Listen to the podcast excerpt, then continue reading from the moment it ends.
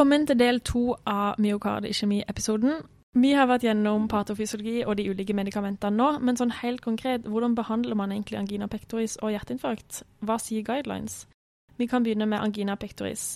Magnus, kan du ta oss gjennom dette? Ja, her kan det være lurt å tenke på anfallsbehandling. Eh, og det kan være lurt å tenke på anfallsforebyggende behandling. Og det kan være forebyggende behandling, da. Og eh, alle tre er da med i guidelines. Og anfallsbehandling, jo, det er jo veldig fint da om en eh, pasient med anginaanfall kan få hurtigvirkende nitrat til å behandle seg selv dersom man får symptomer. Så det er jo veldig greit. Anfallsbehandling med hurtigvirkende nitrater, del 1.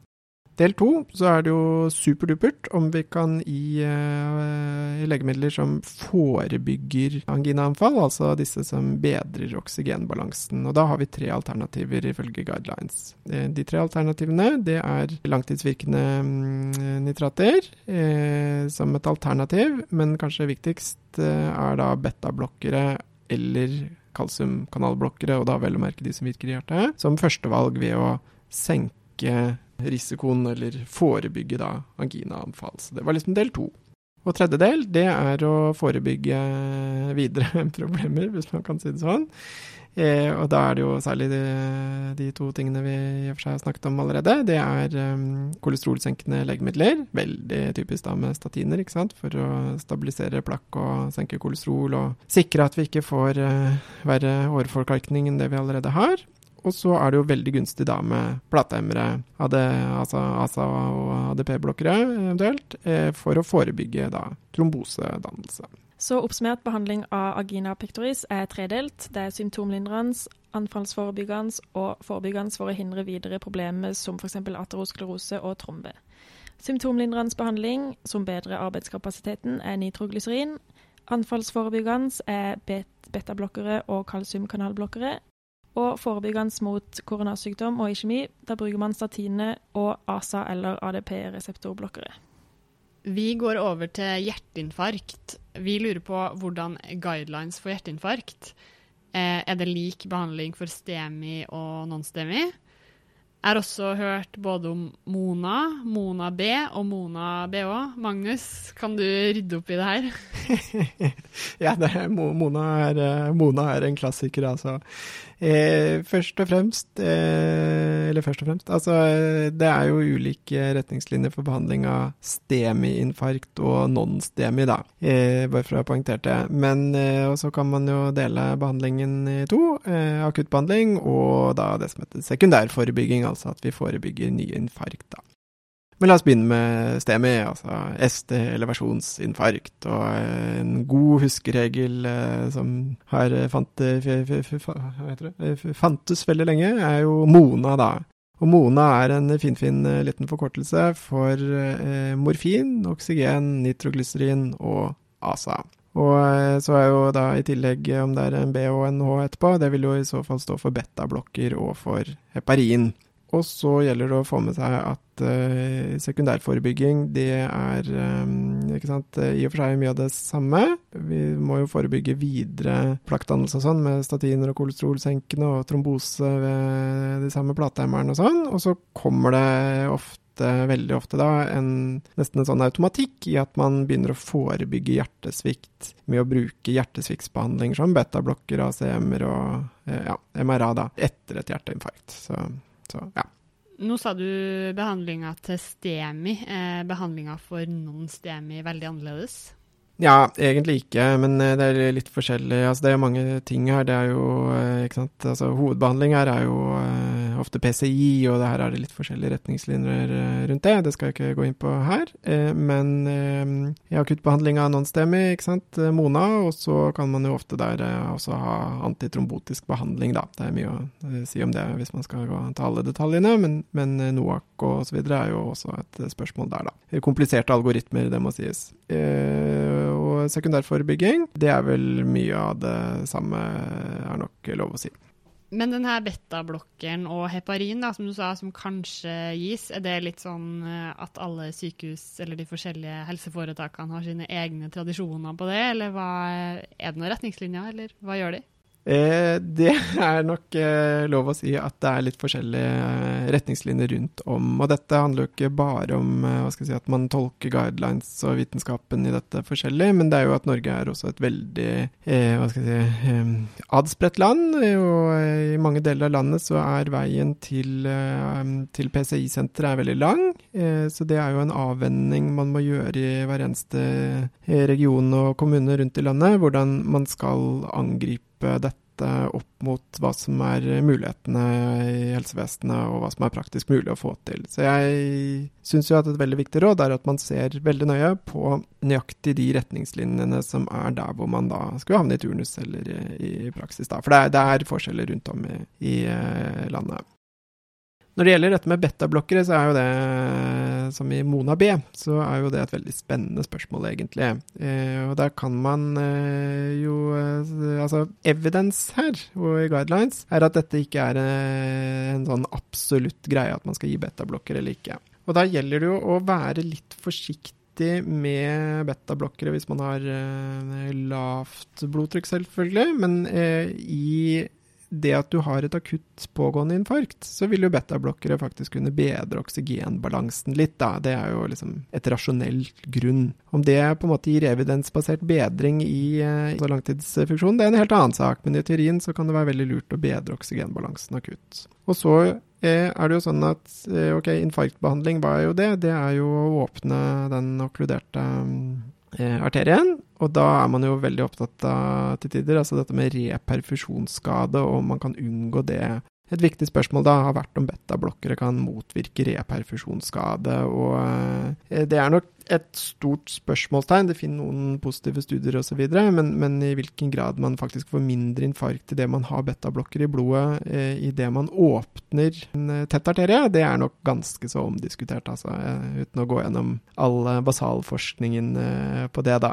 Og så den tredje tingen er jo at man jo veldig ofte bruker da betablokker altså i sykdomsforløpet etterpå og etter utskrivning, og det er nok først og fremst for å, å motvirke hjertesvikt, da, som er en veldig vanlig og viktig komplikasjon til infarkt, men som har blitt veldig mye mindre problematisk nå når vi har fått effektiv akuttbehandling mot infarkt. Da. Så, ja, så betablokker og hjerteinfarkt, spennende diskusjon. Eh, og så, eh, ja, så ville jeg nok sett på retningslinjer der hvor man er for å få en slags fasit på det. Så oppsummert eh, kan man si at behandlinga av STEMI og non-STEMI er relativt lik. Som akuttbehandling så har vi da Mona, eventuelt betablokkere og heparin, avhengig av hvilket sykehus man er på. Forskjellen er at ved non-STEMI så gir man pasientene i tillegg antitrombotisk behandling, gjerne i form av en NOAC. Som sekundærforebygging så gis statina mot plakk, AC-hemmere og betablokkere eh, forebygger hjertesvikt. Og trombosebehandling. For STEMI så gir man dobbel platehemming i et år, deretter kun ASA. Mens ved non-STEMI så gir man enkel platehemming og NOAC. Men helt til slutt så tenkte vi også å ta med en annen akuttbehandling. Hvis man kommer tidsnok til, så er vel også trombolyse et alternativ? Trombolyse er jo helt supre greier, og da tidsnok til, som i at man eh, ikke kommer så tidsnok at man rekker eh, PCI, da, som regel, som har sine tidsbegrensninger. Men eh, hvis eh, man da Det er såpass kort siden oppstart at trombolyse er bra, så er jo trombolyse helt supert på den måten at man da kan løse opp en trombe ved hjelp av eh, legemidler, da. Eh, og eh, hva er trombolyse? Jo, det er jo legemiddelbehandling som da stimulerer fibronolysen fibrinolysen i kroppen, altså det at kroppen selv bryter ned eh, blodproppen, da. Og der, i all hovedsak, da, så virker dette via plasminogensystemet, som da i mitt hode ikke sant, Koagulasjonskaskaden gir et sånt fiskenett, eh, som sagt, av eh, koagulasjonsfaktorer. Og nå kommer det en saks, altså fibrinolysen, og klipper opp dette nettverket, og da brytes jo hele blodproppen opp. Og det er det som heter eh, trombolyse, da, som det fins ulike medikamenter som gjør, med bitte litt ulik virkningsmekanisme, men det tenker jeg ikke er så viktig. Hele poenget her er at vi får fibrinolytisk effekt, hvor da den etablerte blodproppen brytes ned som følge av disse legemidlene. Utenom det her tidsvinduet, da, eh, hvilke andre kontraindikasjoner har vi for trombolyse? Veldig bra. Her er det helt bestemte retningslinjer og sånn i forhold til tid og i relasjon til PCI, og det er eh, igjen så er det viktig å se på regionen man er i og følge retningslinjene der. Men eh, når det er sagt, så er det jo også veldig viktig å få med seg dette at pasienter som har økt risiko for blødning, de må jo selvfølgelig ikke få trombolyse, for man kan jo tenke seg hva som skjer da. Og da er det jo gjerne litt lange sjekklister på det som man bør følge veldig nøye. Men eh, altså til jevnlig nylig blødning og nylig kirurgi og, og, den type ting, ja, det er jo ting som da gjør at vi ikke kan bruke trombolyse. Yes, vi må repetere litt av alt det vi har lært, da. Eh, Cecilie, vil du eh, begynne å fortelle litt eh, hva du har lært i dag?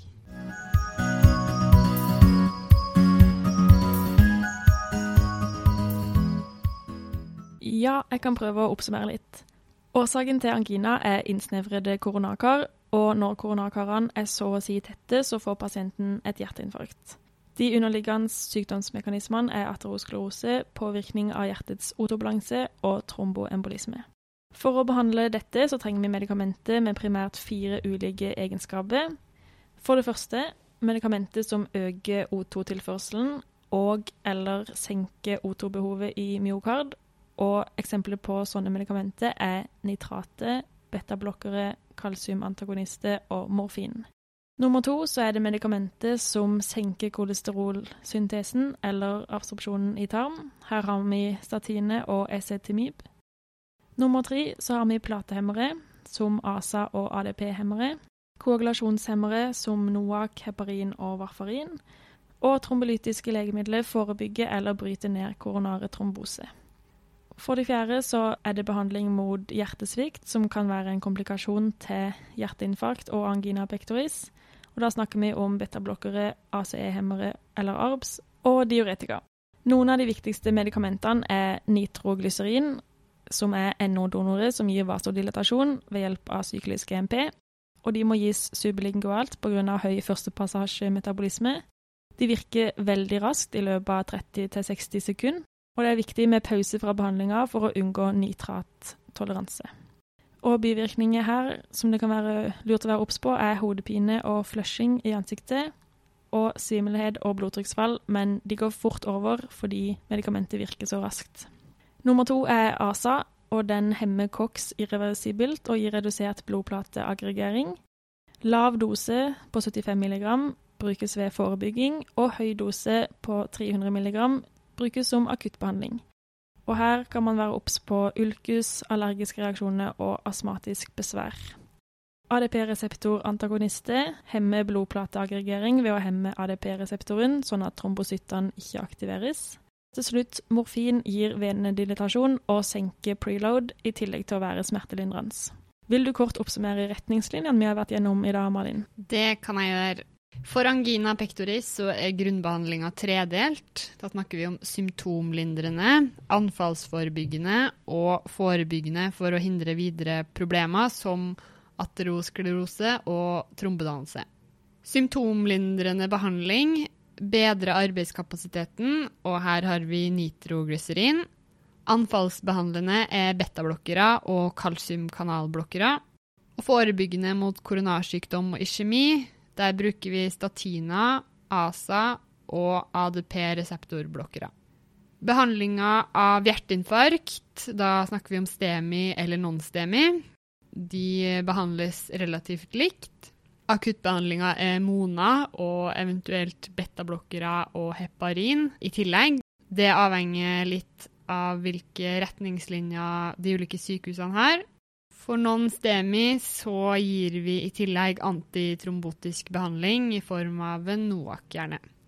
Sekundærforebygging, der har vi statina mot plakk, ACE-hemmere og betablokkere mot hjertesvikt og trombebehandling, som er forskjellig for STEMI og non-STEMI. Ved STEMI så gir man dobbel platdamming i et år, og deretter kun ASA, mens for NSTEMI så gir man kun enkel platehemming pluss en NOAC. Da tror jeg vi har fått oppsummert det viktigste. Tusen takk til deg, Magnus, for at du igjen og igjen bidrar til å utvide vår kunnskapsbase om behandling av hjertesykdommer. I dag har vi lært mye om ikjemisk hjertesykdom og behandling av det. Dersom du som hører på har noen spørsmål til Magnus eller oss, så er det bare å sende en mail til farmapodden alfakrøllgmail.com. Vi finnes også på Facebook og Instagram. Takk for at du lytta. Ha det!